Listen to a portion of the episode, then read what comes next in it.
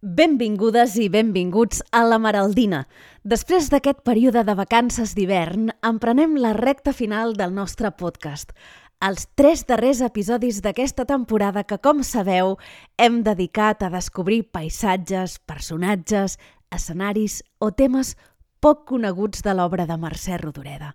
Aquests dies hem sabut moltíssimes coses sobre la nostra escriptora. Per exemple, que és a punt de sortir la traducció en castellà de la novel·la a l'home, traducció que signarà Sergio Fernández, com sabeu, el nostre primer convidat a la Maraldina. També hem sabut una altra cosa que ens ha fet molta il·lusió i és que el grup Amics de les Arts presenta la cançó citant Mercè Rodoreda, el primer single del seu nou disc, que segons ens han explicat es tracta d'una cançó sobre l'autoestima i fa citació de frases de la plaça del Diamant, del Parc de les Magnòlies o de Quanta, quanta guerra. Deixeu-nos dir que tenim moltes, moltes ganes d'escoltar aquesta cançó. I ja sense més, en aquest episodi del nostre podcast Prepareu ara mateix les maletes i disposeu-vos a viatjar, perquè avui Rodoreda puja al tren.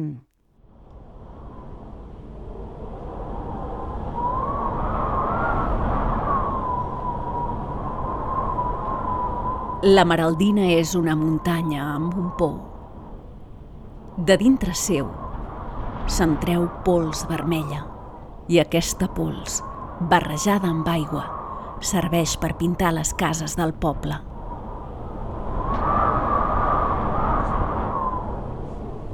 Totes les cases del poble són de color rosa.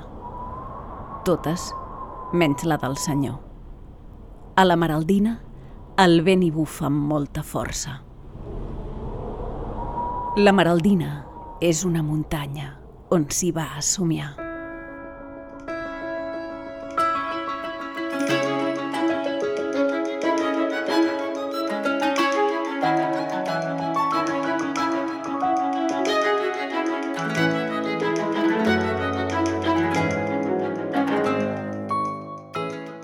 Us heu d'imaginar que som al final de l'hivern de 1939.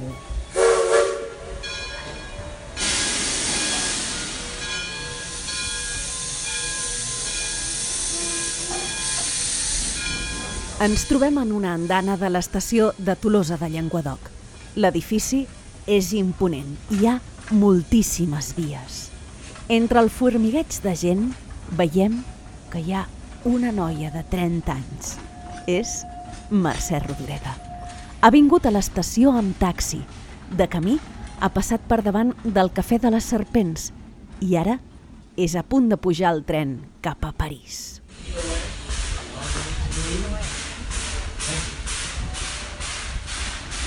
Rodoreda fa una mica més d'un mes que és a l'exili. Va passar la frontera pel Pertús a finals de gener i ara ja som a l'entrada del març. Anava amb un grup d'escriptors entre els quals hi havia Anna Murià, Xavier Benguerel, Joan Oliver i d'altres. Però ara aquesta jove escriptora deixa els seus amics i companys de professió enrere perquè vol anar a la capital francesa. Tot això ho sabem en part per una carta escrita a mà que Rodoreda va enviar a l'escriptor César August Jordana i, i per extensió a tots els seus amics i, i que s'havien quedat tots ells a Tolosa de Llenguadoc. Us llegeixo només un breu passatge de la carta.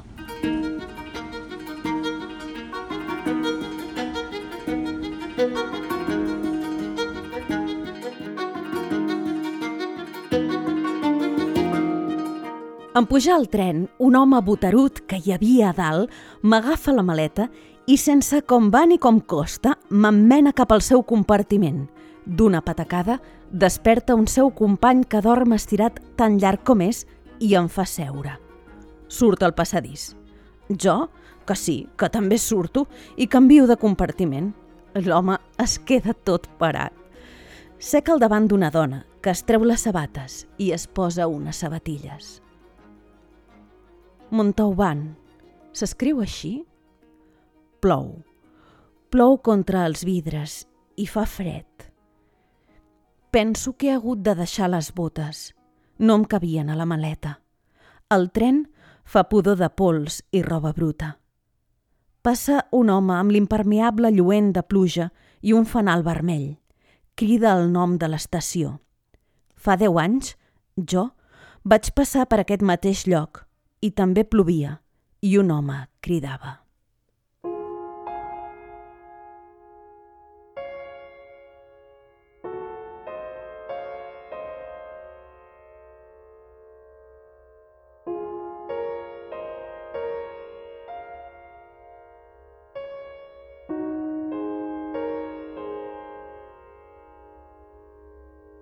Avui a la Maraldina us volem parlar de la presència del tren en l'obra de Mercè Rodoreda i per això hem començat amb aquest fragment on la veiem a ella pujant a dalt d'un tren un dia de pluja i recordant un altre viatge anys enrere, deu anys enrere, que havia fet justament amb el mateix recorregut i que sembla ser que és probable que fos el viatge que ella va fer al costat del seu marit en la, en la lluna de mel.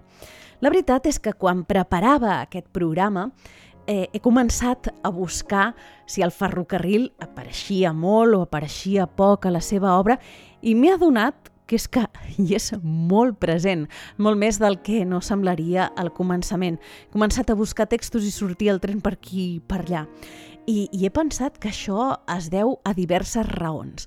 Em sembla que un dels motius principals de que el tren surti tant és que era un dels principals mitjans de transport de Rodoreda. I és per un motiu, perquè Rodoreda no suportava l'avió justament això, no? Doncs sí, eh, ella va viure en grans eh, ciutats europees, però sovint s'hi desplaçava amb tren. Anava des de París a Ginebra i també entre les diverses ciutats que solia visitar. A més a més, òbviament, ja ho sabem que en l'època que ell escrivia el tren era un mitjà molt més accessible i barat que no pas l'avió, però és que a més a més a l'avió li tenia terror. Un altre dels, dels motius que em fan pensar que el tren té tanta importància en, en la narrativa de Rodoreda és que és un escenari habitual en la seva infantesa i en la seva joventut.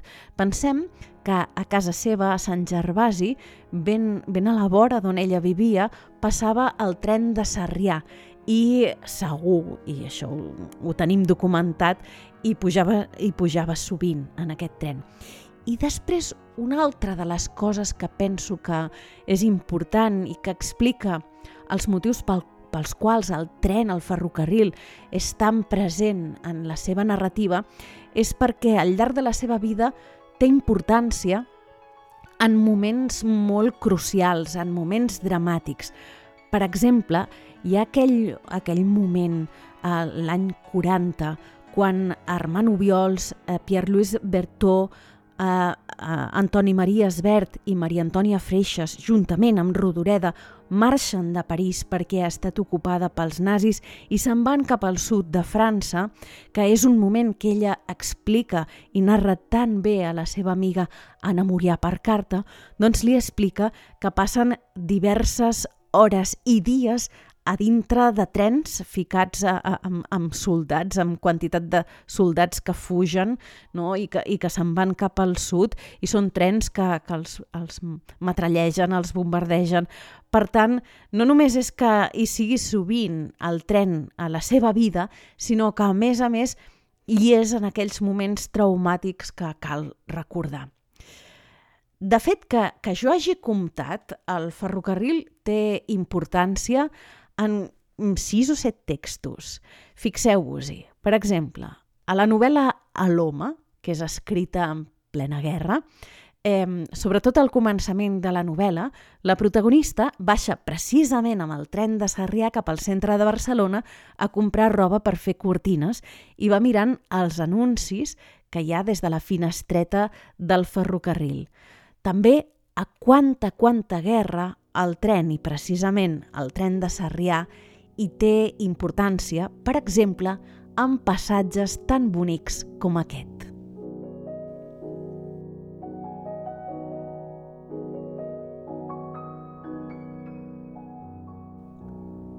La meva mare era de Sarrià i tenia un camp de clavells a cavall de Sarrià i de Sant Gervasi. a la vora de la via del tren de Sabadell. Jo l'ajudava en la feina de fer esqueixos, regar i collir. Treballàvem de punta de dia caiguda de nit. El meu pare va morir quan jo tenia 11 anys. Era maquinista de tren, duia bigoti i tenia els ulls grossos i tranquils.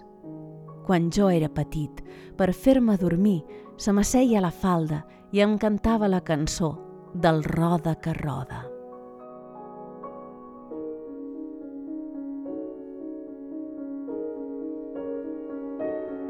Doncs bé, ja ho hem vist en aquest passatge no, de quanta, quanta guerra, però també en una altra novel·la, El jardí vora el mar, quan el jardiner, cap a la meitat de l'obra, es troba amb els pares de, del trist personatge desgraciat, un dels protagonistes, que venen a veure si troben el seu fill. I aquest viatge fins a aquesta finca així una mica ostentosa de la zona costanera a la vora del mar, aquests, aquests pares el fan amb tren i han d'estar tota l'estona esperant que surti el tren.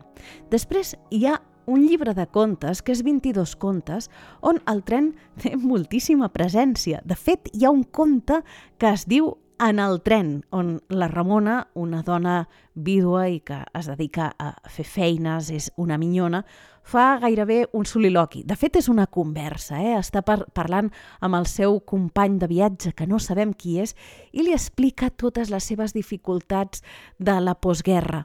Eh, de fet, en allà es veu claríssimament que el tren és un espai on es poden tenir eh, llargues converses i fins i tot on es pot explicar gairebé tota, tota la vida. No? Hi ha un altre conte, a 22 contes, que es diu Felicitat, sobre una noia que curiosament viu a París amb el seu amant i que fabula que fuig d'ell i que se'n va i puja a dalt d'un tren. I després també hi ha encara una altra narració, que és Darrers moments, on s'explica la separació d'una parella després de sopar al restaurant de l'estació del tren. Però a mi em sembla que el conte més desconegut a propòsit del tren és, a, a mi em fa l'efecte que és una història preciosa. És un conte que no està inclòs en aquest, en aquest recull a 22 contes.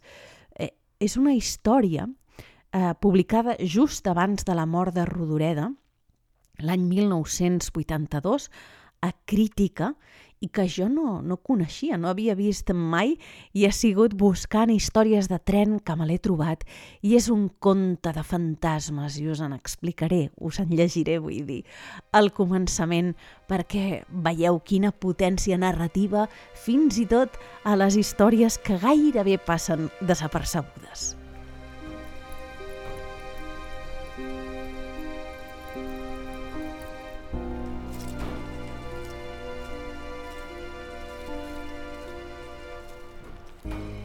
A entrada de fosc vaig arribar davant d'una estació de poble bombardejada. Devia fer temps, perquè se la veia voltada d'herbes altes. Damunt del portal, les agulles d'un rellotge marcaven dos quarts de tres. A la sala, davant de la taquilla, hi havia un altre rellotge parat, a dos quarts de tres. I a sota, un banc mig colgat d'escombraries i als peus una tassa amb una cullereta a dintre. La porta vidriera que donava el que devia haver estat l'oficina tenia els batents cremats. Una part del sostre estava ensorrada, però no es veia gens de runa per terra. En un racó hi havia una pila de llenya seca ben tallada, una estufa de ferro i un matalàs rebentat damunt de quatre taulons. A la meva esquena un armari de fusta clara, gairebé tocant el sostre, hauria semblat nou si no li haguessin faltat les potes. A la finestra, en comptes de vidres, hi havia trossos de cartró mal enganxats amb xinxetes i claus mig desclavats pel vent. Em vaig acostar a l'armari. Només de tocar-la, la porta es va obrir de bat a bat, tot fent grinyolar les frontisses. A dintre de l'armari no hi havia res de l'esvoranc del sostre, queia claror de lluna. La quietud al meu voltant era de mort, però jo respirava tranquil perquè almenys havia trobat un cau on poder passar la nit. S'acostava gent. Tres dones vestides de negre, molt velles, travessaven la sala de la taquilla arrossegant els peus. Caminaven japerudes. Una va dir, el tren no vindrà. Tenia la veu gruixuda, com si li hagués sortit d'una caverna. Es van ficar a l'andana i l'una darrere l'altra. Vaig aixecar un cantell de cardró. S'havien assegut damunt de caixons de fruita negres de serena i pluges. La primera es va posar a capdallar llana negra. La segona a teixir llana negra. El tren no vindrà. La tercera, amb unes tisores grosses, va tallar llana negra. El tren no vindrà.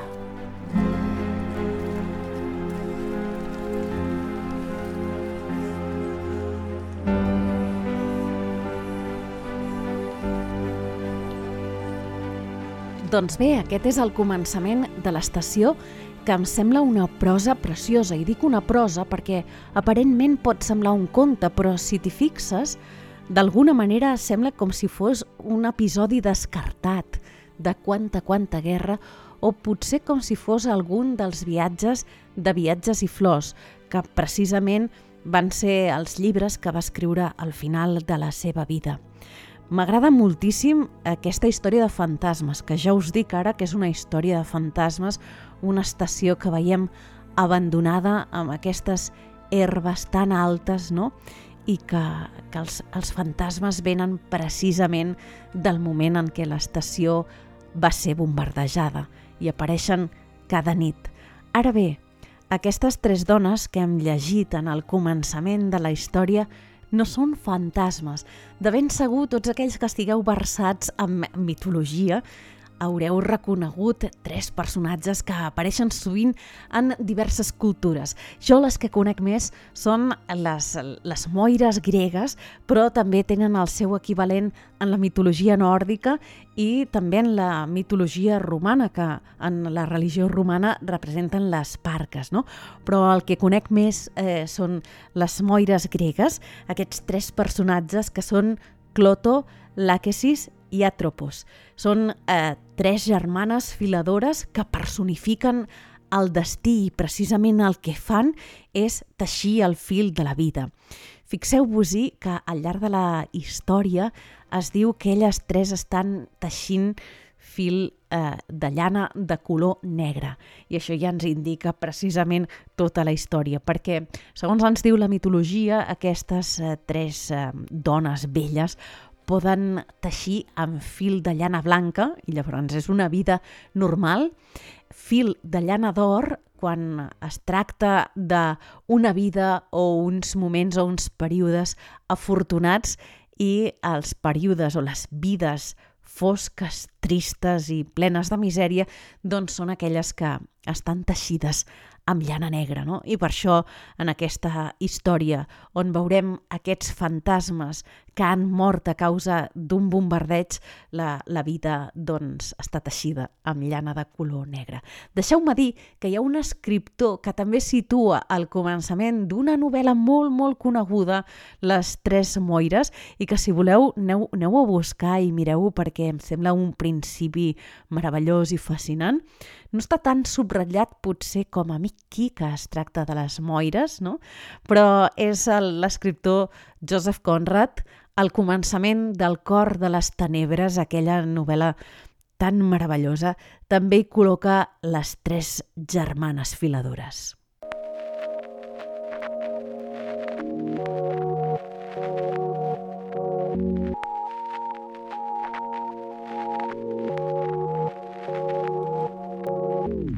Voldria explicar també que aquesta primera persona que ens explica la història d'aquesta estació abandonada on no se sap si passarà el tren o no passarà.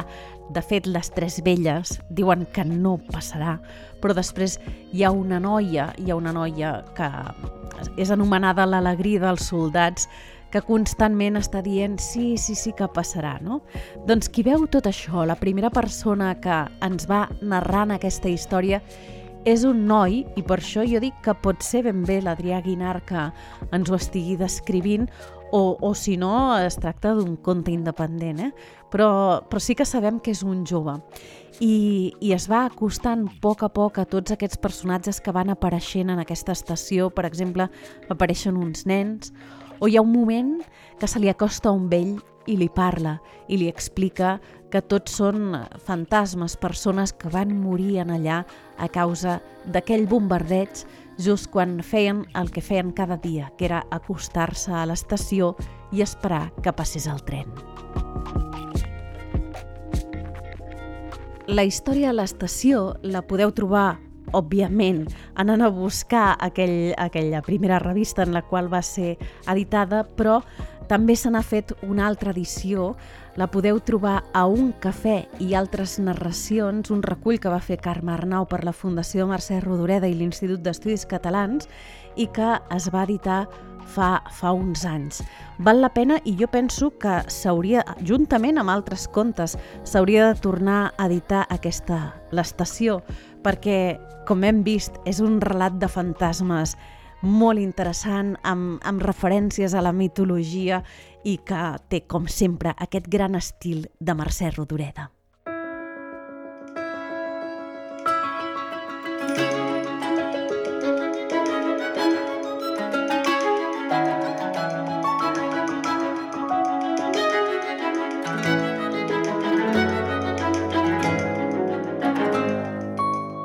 Fins aquí l'episodi dedicat al tren, que ja ho heu vist, està farcit els textos, les, les proses de Mercè Rodoreda d'episodis de, relacionats amb el tren.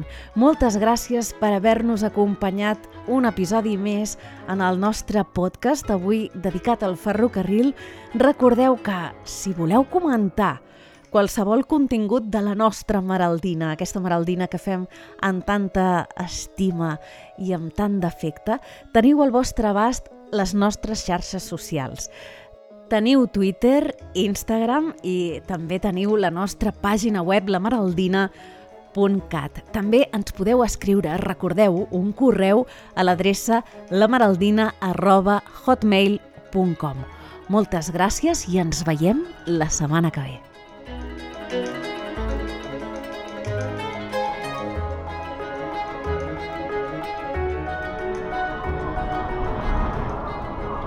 La Maraldina és una muntanya coberta de brugueres.